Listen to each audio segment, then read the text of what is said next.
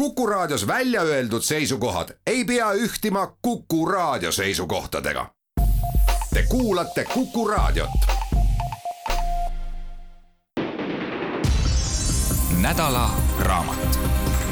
Toomas Erikson, tagasilöögid minu ümber, kirjastuselt Varrak. ilusat uut kevadnädalat, head kuulajad. lootes siiralt, et see on teile hea ja edukas meie nädalaraamatu lauale on potsatanud üle mitme ja pika aja üks raamat, mis žanrimääratluselt on eneseabiraamat.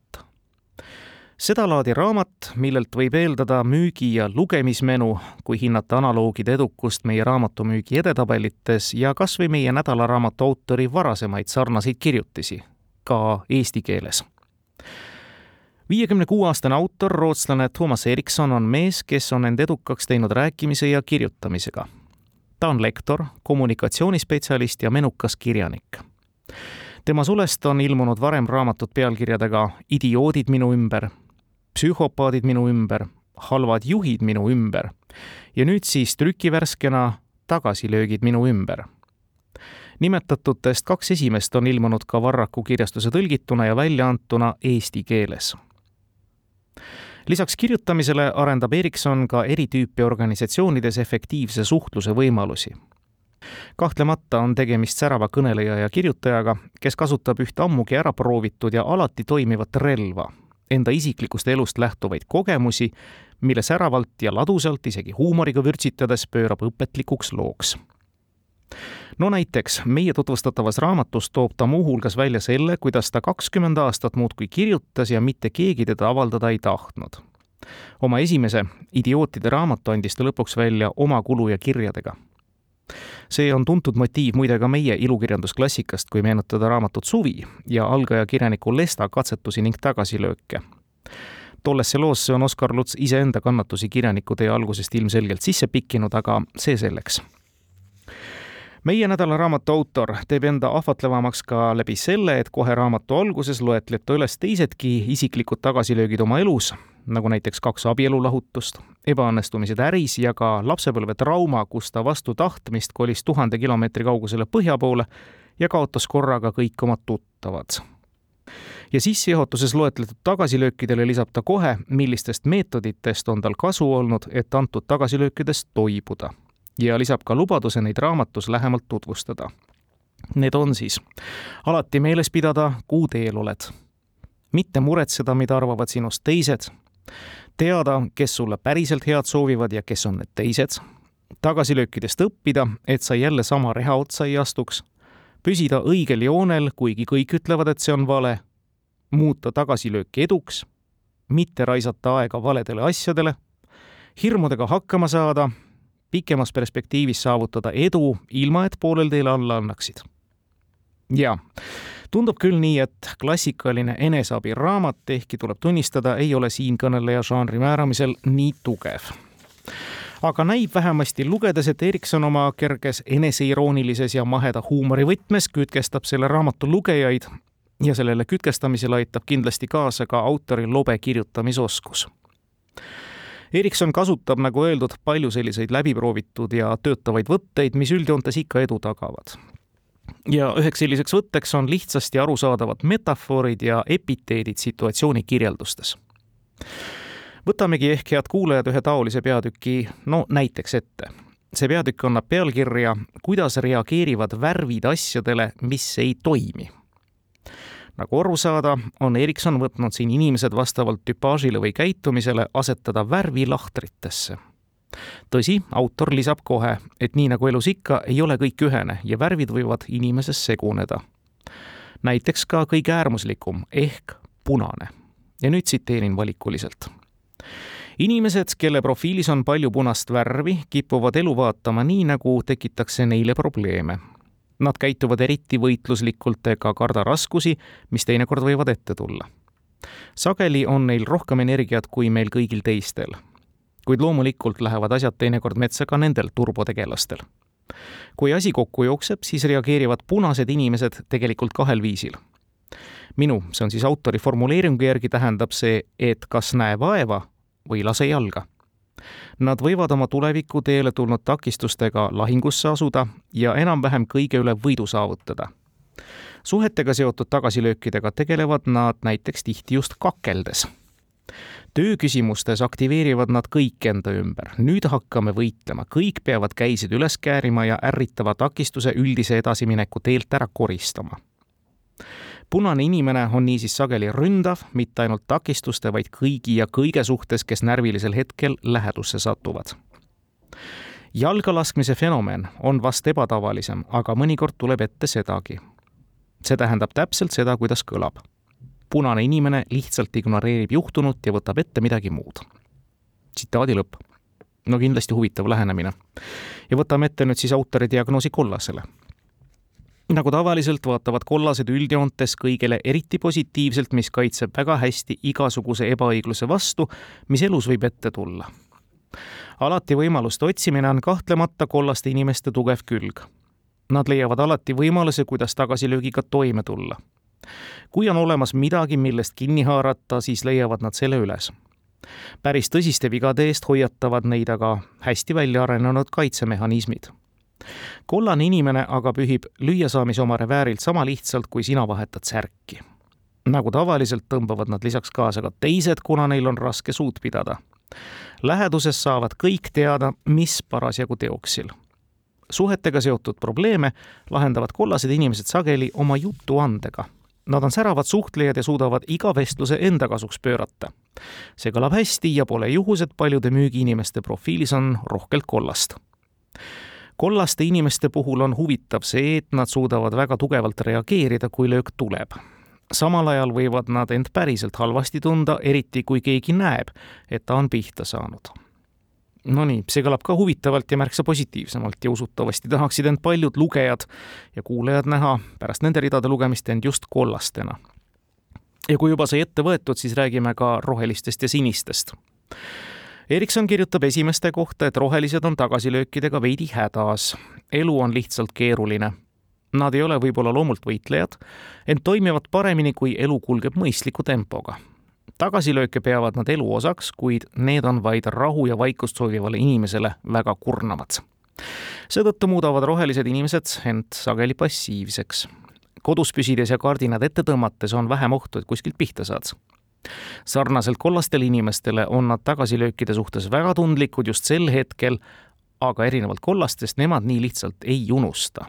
Neil on lihtsalt natuke parem mälu kui kollastel inimestel ja sinised inimesed, nemad suhtuvad tagasilöökidesse huvitavalt. Nad on suurepäraste riskianalüütikutena enamiku tagasilöökidest juba ette ära arvanud, enne kui need ka veel teoks saavad.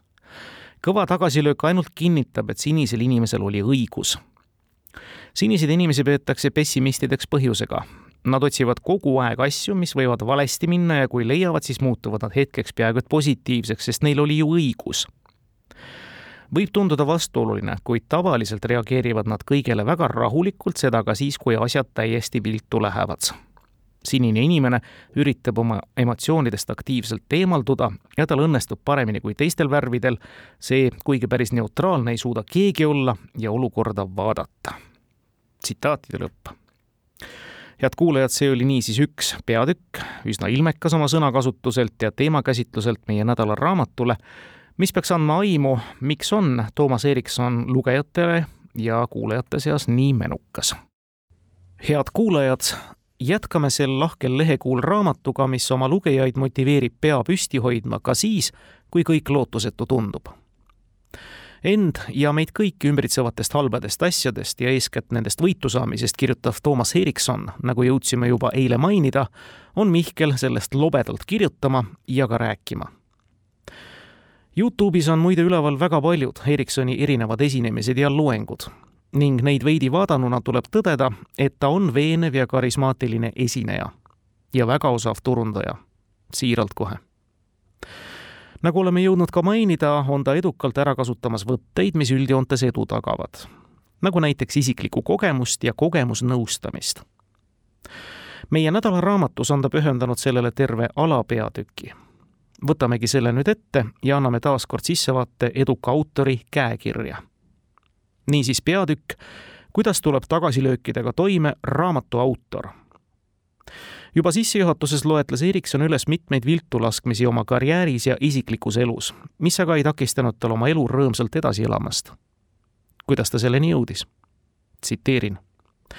üks minu meetoditest raskustega toimetulekuks on leppida, et need on osa elust. tean omast kogemusest, et täielikult pääseda on võimatu, nii et ma enam ei proovigi. annan kirjaniku, õppejõu, abikaasa ja isana endast parima ma ei rutta sündmustest ette, ei oota võimalikke negatiivseid kogemusi. kui nad tulevad, siis tulevad. teeme nüüd väikese pausi ja tundub esialgu, et see on selline vooluga kaasaminemise printsiip, go with the flow. aga ei, autor hoopis jätkab nõnda. hea mõte on jagada asjad sellisteks, mida ma saan mõjutada ja mida ma ei saa mõjutada. mida saan mõjutada, on, mida ma teen, mida ma ei tee, kuidas ma reageerin sellele, mida ma mõjutada ei saa võime võtta näiteks meediatormi, mille põhjustas kahe tuhande kaheksateistkümnendal aastal Rootsis minu raamat Idioodid minu ümber. see rääkis DICC mudeli alustest, neljast värvist ja oli sissejuhatus käitumise ja igapäevapsühholoogia teemasse tahtsin äratada inimeste uudishimu nende asjade vastu, sest tavaliste, lihtsate väärarusaamade tõttu on meie argipäevas minu meelest tarbetult palju konflikte. Seega kasutasin sobivat mudelit ja kirjutasin raamatu see peaks olema ju üsna ohutu. DICA või DICC mudelit on kogu maailmas kasutatud juba nelikümmend aastat, märgib autor. viiekümnes keeles on tehtud viiskümmend miljonit analüüsi. meetodist võib arvata mida iganes, aga ta on olemas. sellega on kokku puutunud paljud inimesed raamat oli Rootsis lettidel olnud neli aastat ja müügiarv ulatus juba üle miljoni eksemplari, kui mõned selle peale nii närvi läksid, et midagi tuli ette võtta käputäis mu konkurente. õppejõud, kirjanikud ja nõustajad, enamasti psühholoogilise haridusega, andsid endast kõik, et avalikult mustata nii raamatut kui ka mind isiklikult. Neid oli vähe, aga nad olid muljetavaldavalt valjuhäälsed. see polnud muidugi lõbus. alati on toredam, kui inimestele meeldib see, mida sa teed ja nad hindavad seda. Selles suhtes ma ilmselt teistest ei erine. teiselt poolt oli kriitika oodatud idioodid minu ümber levis nii laialt, et seda polnud võimalik vältida. see oli igal pool, kõik rääkisid sellest. kriitikud tõdesid väga teravalt, et see raamat on rumal, mõttetu, petlik, ma ise olevat totakas naljamees, kes ei tea, millest räägib. kuid vaatame nüüd viisi, kuidas sellega toime tulla ja tegelikult tundub kõik üsna loogiline, ütleb autor. Mida ma sain mõjutada, oli see, mida ma tegin. nii et lugesin arvustusi, kuni sain aru, milles on asi siis vastasin ajalehtedes ja raadios kriitikale oma seisukohtadega. paaris punktis oli kriitikutel õigus. raamatu Idioodid minu ümber esimestes trükkides olin mõnes kohas lohakalt asju sõnastanud nii, et võis valesti aru saada, mistõttu järgmistes trükkides kohendasin neid kohti. seda ma sain teha. Kuid siis jätkasin tööd juba uue raamatu ja loengutega, jagasin teadmisi käitumise ja igapäevapsühholoogia kohta. kalender oli nii täis, et midagi muud ma teha ei jõudnudki ma sain mõjutada ka seda, mis tegemata jätsin. jahmusin, kui kriitikute kooriga liitus veel inimesi. aga kuna ma ei saanud rohkem midagi teha või öelda, et kriitikute arusaama muuta, sest neil oli muidugi oma arvamusele täielik õigus, siis ma lihtsalt jätsin selle niimoodi. ei lugenud enam nende arvamusi. See oli minu viis toime tulla sellega, mida ma ei saanud mõjutada. ma suutsin kontrollida ka enda reaktsioone lihtsalt otsustasin, et ei reageeri vihaste kriitikute juttude peale olen elus läbi tulnud tõelistest kriisidest ja sellepärast see mind eriti ei mõjutanud. ohtra lugejaskonna positiivne reaktsioon kaalus selle pealegi kõvasti üles. vastukaaluks minu passiivsusele täitus meilipostkast toetavate sõnumitega. ma pean nüüd kinni.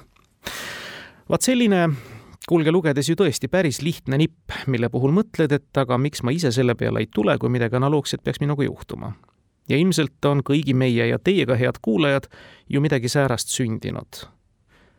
Vasta, kui saad ja enamikel puhkudel jäta lihtsalt reageerimata. hea küll, mul on küll tunne, et seda oma esimese raamatu juttu ja kogemust on Erikson oma elus ka kõige rohkem jaganud ja ega ta asjata tolle loo juures välja too asjaolu, kuidas ta ikka seda raamatut oma kulu ja kirjadega välja andis, pärast seda, kui oli teda kakskümmend aastat kirjutanud lõpuks, keset suuremat sorti kriitikavahtu leidis Erikson, tundub, et mingi vabanemise ja nüüd markeerib ta selle vähemasti meie raamatus kirjutatu põhjal ja oma vastased siis kerge naeruvääristamisega. tsiteerin. samal ajal, kui osa kriitikuid üha närvilisemalt kõnelesid, tuletasin mina endale lihtsalt meelde, miks ma seda teen, mida ma teen. ma tahan, et inimesi hakkaks huvitama, kuidas me omavahel suhtleme ja nad tahaksid saavutada paremat enesetaju.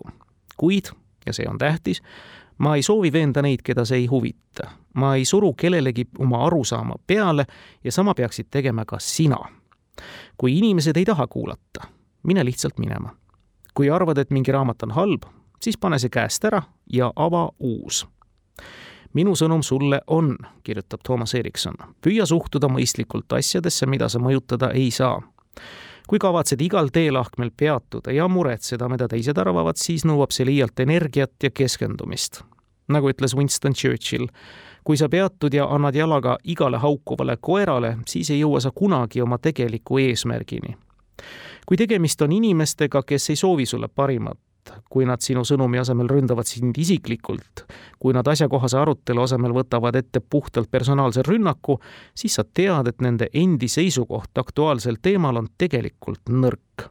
ja sellest pole vaja välja teha. see ütleb rohkem teiste kui sinu kohta. no päris elementaarne.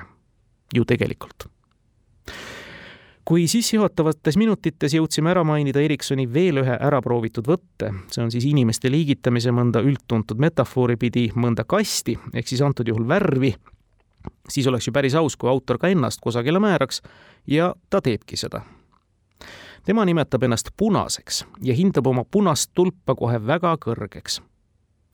paljud inimesed ei taju seda, sest ma tean, kuidas seda vajadusel all hoida, lisab ta kohe see nõuab aktiivset mõttetegevust ja ebaõnnestub, kui lasen emotsioonidel võimust võtta. küsi neilt, kes mind hästi tunnevad. mõnikord ei ole minuga üldse tore suhelda. kuid see on ka üks peamisi põhjuseid, miks ma ei lase kõike välja, ilma et oleksin selle päriselt läbi mõelnud. ja üsna läbimõeldult või sihitatult võtab ta raamatus ette ka siis erinevatele küsimustele lugejatele vastata head kuulajad, tuleb tunnistada, et ei ole nüüd ülemäära palju eneseabiraamatuid või psühholoogilisi abimehi lugenud. ja ei oska ka seetõttu üldistada. aga senise kogemuse põhjal tuleb tõdeda, on nimetatud žanrite publitsistikas küll see oht, et lugeja võib kohtuda mõistete või nähtustega, mis on puhtalt autori loomingulised. mida nüüd siin silmas pean? Seda, et piisavalt kaua antud valdkonnas tegutsenud õpetlased või koolitajad on oma mõttekonstruktsioonis leiutanud või leidnud mingisuguse omaette nähtuse või mõiste, mida asuvad agaralt oma lugejale või kuulajale lahti seletama.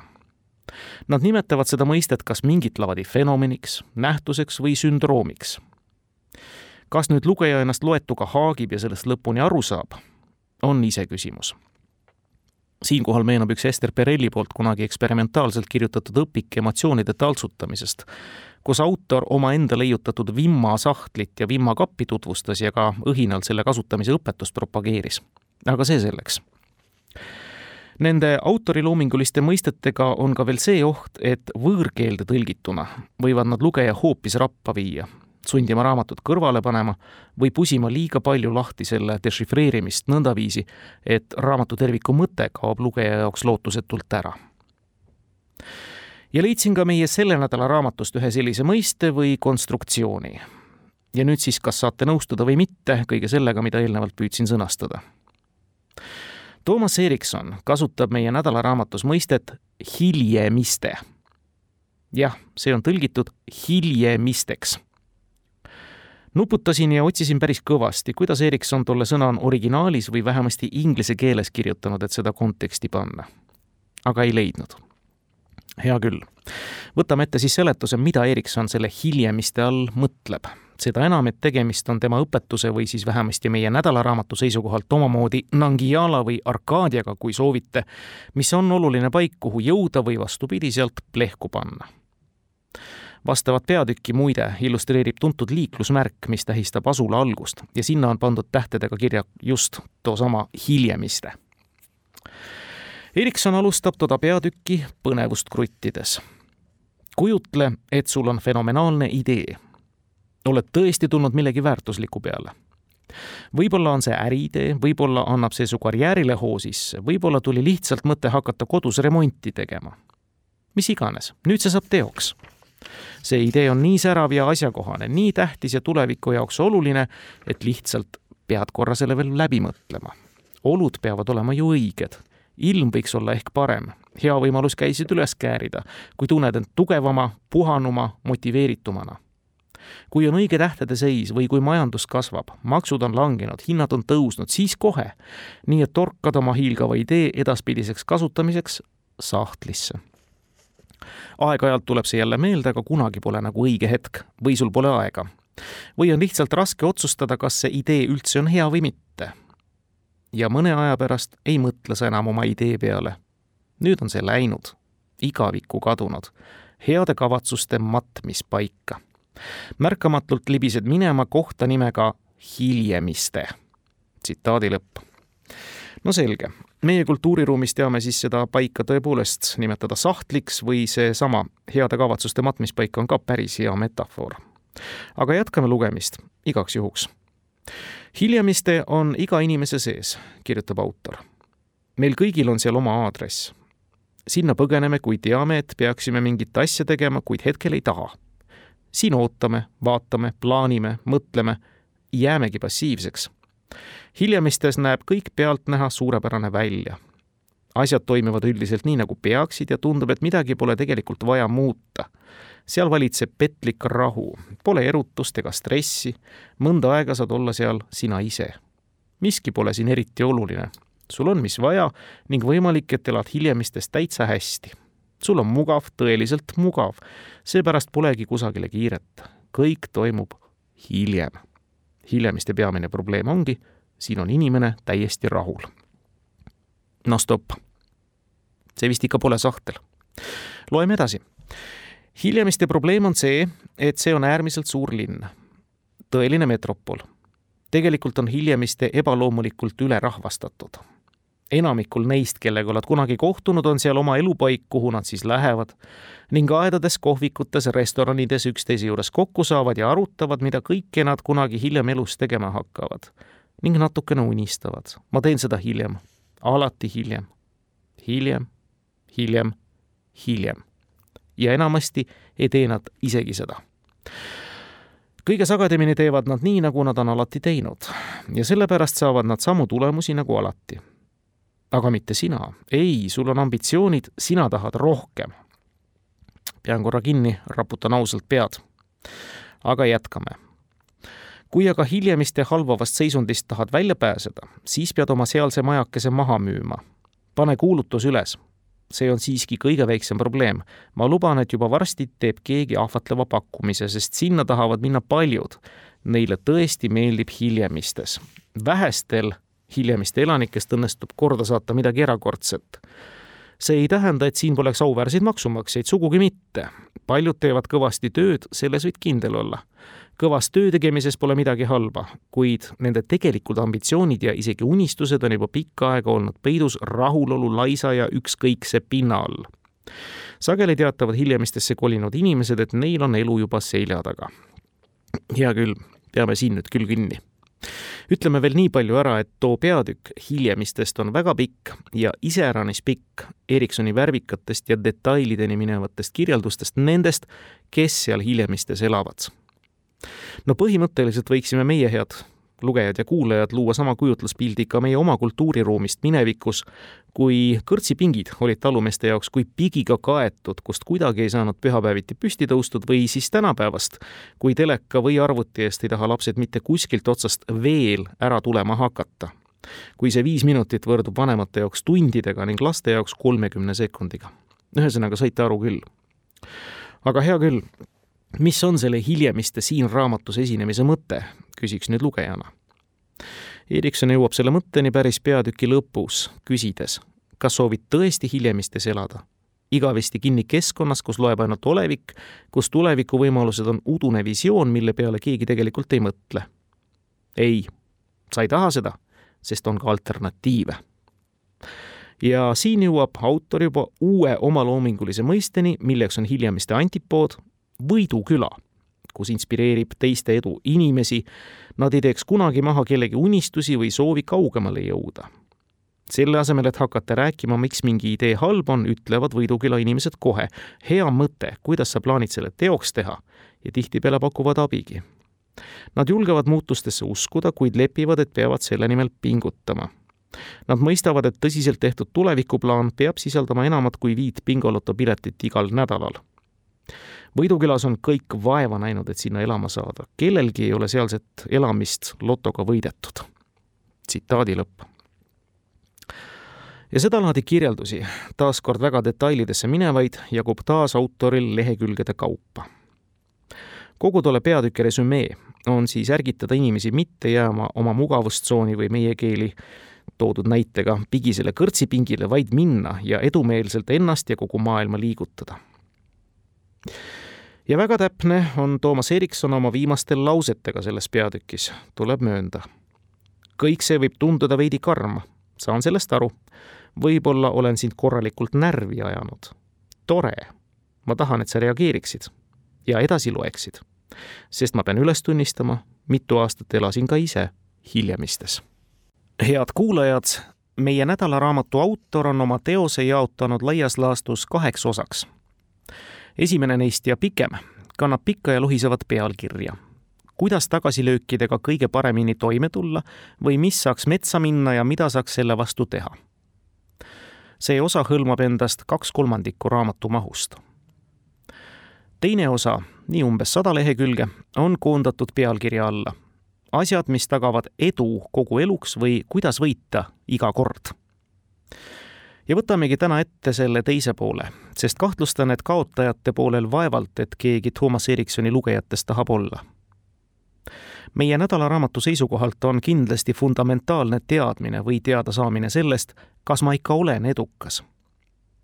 ja samanimelist pealkirja kandvas alapeatükis annabki autor näpunäiteid selle fakti või siis edu tuvastamiseks alustuseks tõdeb Erikson, et edu definitsioone on palju ja mõned neist on ausalt öeldes pisut suurelised ja ülespuhutud. ta võtab appi sünonüümi sõnastiku ja saab sealt edu alt kätte mõisted õnn, õitseng, hea tulemus, edusammud ja kordaminek. see ju sobib.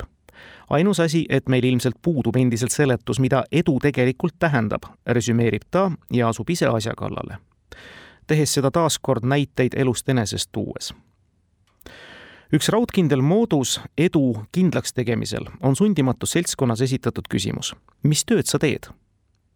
sõltuvalt antud vastusest võib minna hästi, aga ka tõeliselt halvasti tulemus sõltub küsija ettekujutusest, kas sa oled valinud elus õige tee ja seeläbi, kas sa oled tema silmis edukas. vastupidise käitumise näitena võime tuua ema, kes ei hooli sellest, mida lapsed elus saavutavad või kuhu jõuavad, sest armastab neid igal juhul, tingimusteta. ja kahjuks, nagu tõdeb Erikson, ei ole enamik inimesi meie emad sageli loovad inimesed hoopis otsese seose selle vahele, kuhu oleme ühiskonnas jõudnud ning kui palju aega ja tähelepanu me tänu sellele saame. ja nüüd jõuab autor ka tuumani. minu teooria järgi, rõhutab ta, me sellepärast hoolimegi nii palju oma tööst ja karjäärist, et tõesti tunda ennast edukana, vajame ümbruskonna sotsiaalset heakskiitu tõenäoliselt pärineb meie sõltuvus materiaalsetest asjadest samast seosest teiste inimestega, jätkab ta me tegelikult ei vaja seda kraami, mida endale muretseme, kuid mõnikord on vaja millegagi eputada. logo on ju spordiriiete ja tossude välisküljele paigutatud täitsa eesmärgipäraselt. sees poleks sellest nii palju kasu nii et järgmine kord, kui näed kedagi Ferrari'ga ringi sõitmas, ära arva, et tegemist on ahne lontrusega. mõtle hoopis, et see on kellegi vajadus ümbritsevatelt palju kinnitust ja armastust saada selline nägemus siis Toomas Eriksonilt, mida ta peaaegu veenvalt esitab vaata et ainuõige tõena. aga mitte ainult võrdlusmoment teistega või tunnustuse kvaliteet või kvantiteet pole see, mille järgi edu mõõta. Autor toob välja ka iseenesestmõistetavana aegruumi, ehk siis millal mida eduna tõlgendada.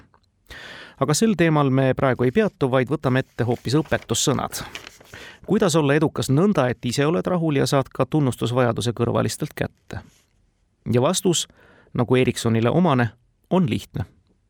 teha seda, mis on oluline enda jaoks ja teha seda enda pärast. Mitte teistele näitamiseks ja selleks, et öelda, vaadake, mida ma tegin. sest samal hetkel, kui sa seda teed, hakatakse sulle hinnanguid andma ja sageli ka hukka mõistma. Need, kes liialt sind ennast meenutavad, hakkavad sinu edu põlgama.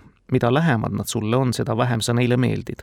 ameti, hariduse või rõhuasutuse poolest lähemad on vihasemad kui need, kes teevad täiesti teisi asju. mõtle sellele. sinu suurim fänn on täiesti tundmatu inimene. Sinu peamine vihkaja võib olla keegi tuttav vabandust, aga see on minu kogemus, peab Erikson vajalikuks täpsustada ja jõuab siis lõpuks ka edu defineerimiseni nõnda, nagu tema seda näeb. edu on midagi, mida igaüks peab ise määratlema.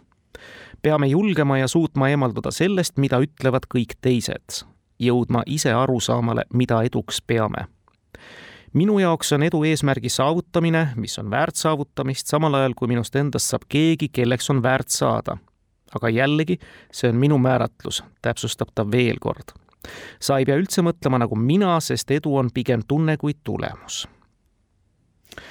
järgnevalt annab autor lugejale mõtteharjutuseks mõned mõtteharjutused, et kas üks või teine tunne või saavutus tähendab edu. ja ta alustab õnnest. kuidas oleks? Küsib ta ja vastab ise. inimesed saavad õnnelikuks, kui neil on kõik, mida nad tahavad.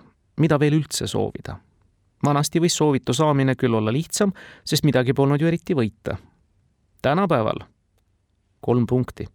ja nii oleme ka meie tagasi seal, kus just olime. teistel on rohkem kui minul, nii et olen õnnetu. kas raha võrdub õnn? raha pole küll sama, mis edu ja õnn, eks? et saad rikkaks nagu Kröösus. ei, raha ei saa sulle õnne osta. vaesus seevastu ei saa sulle midagi osta proovi õige järgmisel talvel pargis kodutule seletada, et raha tekitab ainult probleeme. aga kuidas siis on, kas raha teeb inimese hoopis õnnetuks? mina oma lapsepõlves kuulsin küll seda oksendamiseni, rõhutab Erikson. raha õnnelikuks ei tee, konkreetsed tõendid küll selle ütluse kohta puuduvad.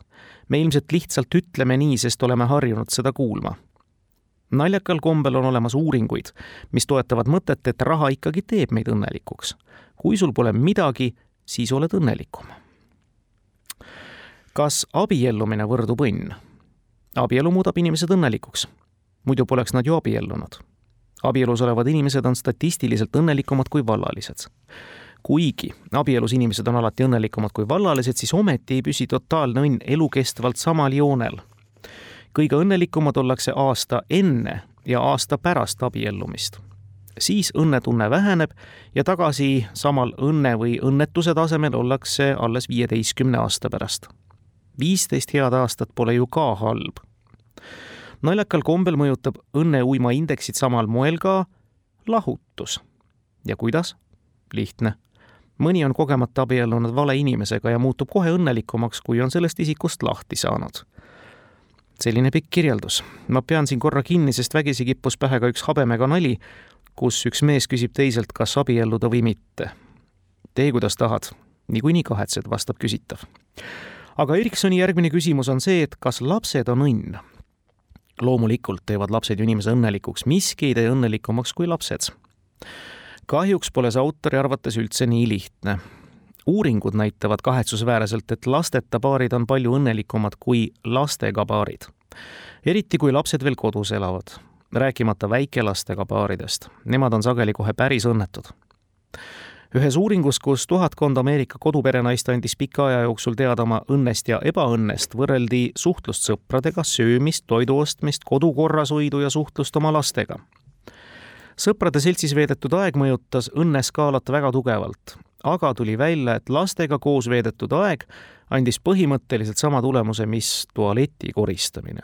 isegi poes käia oli toredam selle konkreetse uuringu viis läbi Nobeli preemia laureaat, nii et tulemused peaksid olema korrektsed, kirjutab Erikson. et kõik oleks korras, siis tahaksin veel öelda, et see ei kehti muidugi sinu laste kohta või minu omade. ja muidugi tuleb arvestada paljude parameetritega. see on nüüd hea, et Erikson selle viimase lause välja kirjutas. Aga mida me siis nüüd kokkuvõtvalt võime kogu eelneva kaheksa minuti jutu kohta öelda? noh, nii tabavalt ja autorlikult. eks kasutame ikka tema enda sõnu määratle oma enese edu kuvand. otsusta, kas jahid tunnet või nähtavat tulemust. kes meist poleks kogenud erinevaid tagasilööke, head kuulajad?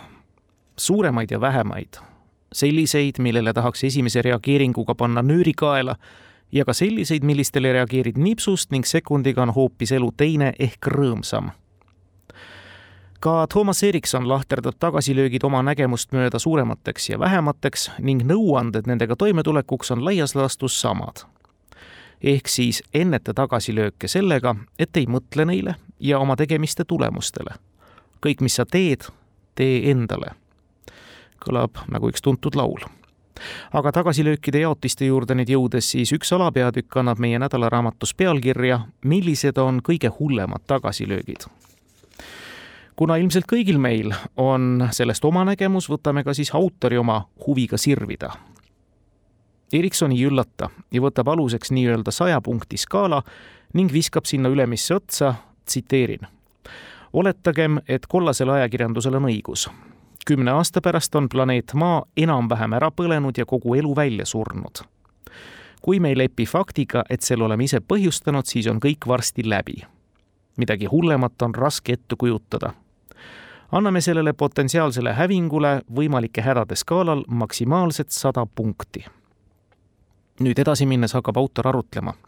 kui inimkonna hukk saab katastroofi skaalal maksimumpunktid, siis mis näiteks oli Teine maailmasõda ajaloo suurim ja ilmselt kohutavaim sõda, kuue miljoni hukkunuga. Erikson pakub kaheksakümmend. aga Esimesele maailmasõjale?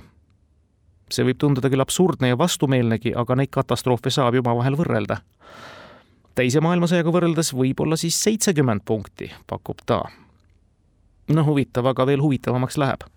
mis juhtub, kui pöörata pilk teist tüüpi katastroofidele, kuhu näiteks paigutuks kahe tuhande neljanda aasta Kagu-Aasia tsunami? Hukkus ligemale kolmsada tuhat inimest. maalt pühiti terve suur hulk külasid. kui võrrelda näiteks Teise maailmasõjaga, mis kestis kuus aastat, koonduslaagritega, arvukate linnade pommitamistega, no äkki siis kolmkümmend punkti. korruptsioon, võimu kuritarvitamine, tõsiasi, et igal pool maailmas leidub erinevate organisatsioonide juhtkondades päris palju psühhopaate. äkki saab see sama palju punkte kui tsunami, võib-olla isegi rohkem, mina annaksin küll nelikümmend, kirjutab Erikson ja nõndaviisi saaksime muudkui edasi lasta. ühesõnaga, kui nüüd taas kord raamatu tutvustaja tekstiga jätkata, neid tagasilööke ei saa võrrelda. võtad sa siis aluseks hukkunute arvu või teist laadi kahjud? Erikson suunab nüüd lugeja väga isiklikku tagasilöökide skaalat koostama.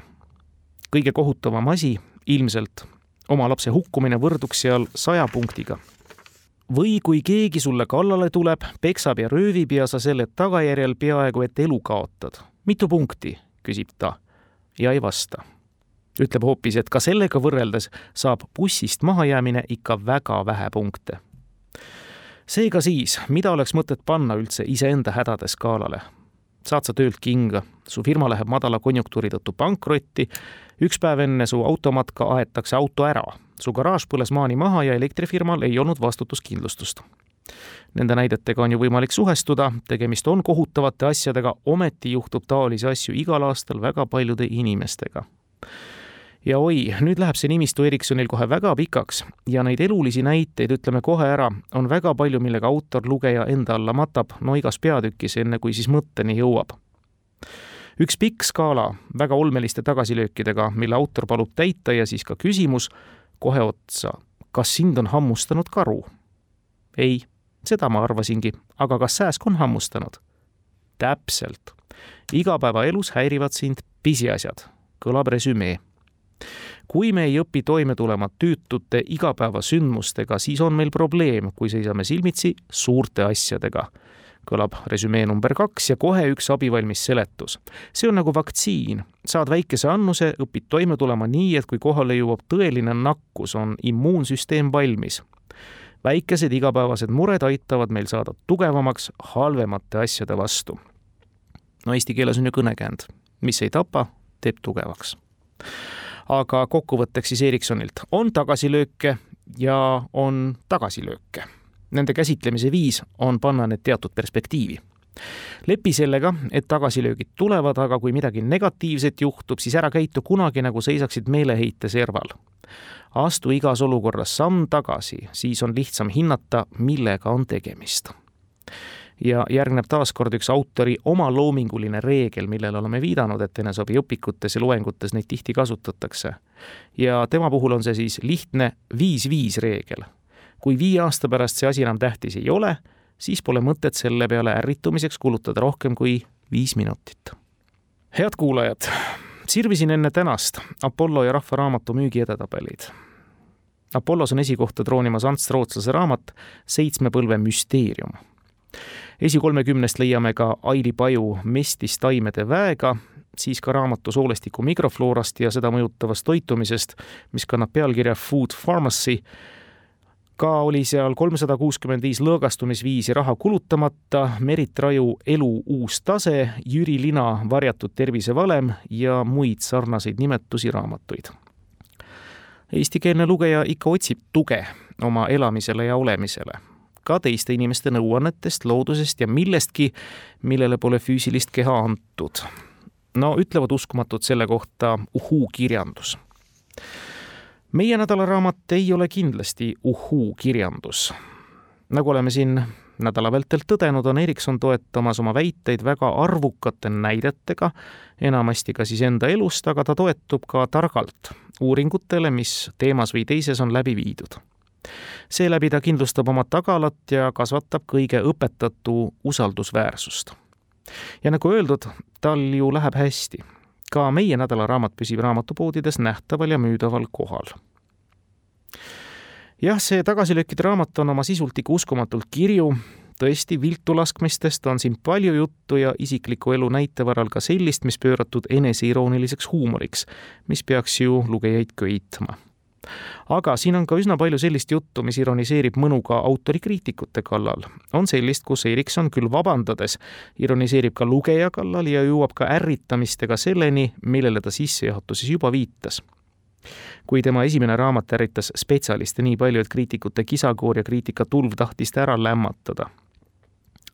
nüüd võiksid teha seda need, keda elulised juhtumid ju otseselt puudutavad ma olen kuulnud psühholoogidelt ja just õppinud psühholoogidelt seda, et inimest enim ärritav asjaolu võib olla see, kui keegi kõrvalseisja, kes ei ole arst ega muu spetsialist, kipub panema kergekäeliselt diagnoose. ja Erikson seda muide teeb. aga oma lugejaskonda ta köidab. head kuulajad, ma nüüd lõpetaks täpselt kahe tsitaadiga autorilt, mis meie nädalaraamatu lugemise ilmekalt kokku võtavad. esimene neist kõlab nii kui sinu suhtumine selle raamatu lugemisse on avatud ja oled valmis selle sisu omaks võtma, siis on sul edaspidi olemas hea tööriist, mis viib sind elus edasi. tõeliste muutuste saavutamise võimalus suureneb.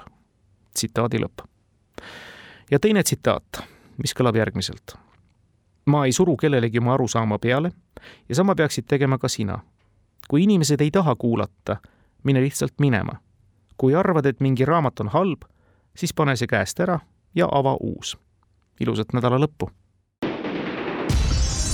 nädala raamat. Toomas Erikson, tagasilöögid minu ümber kirjastuselt Varrak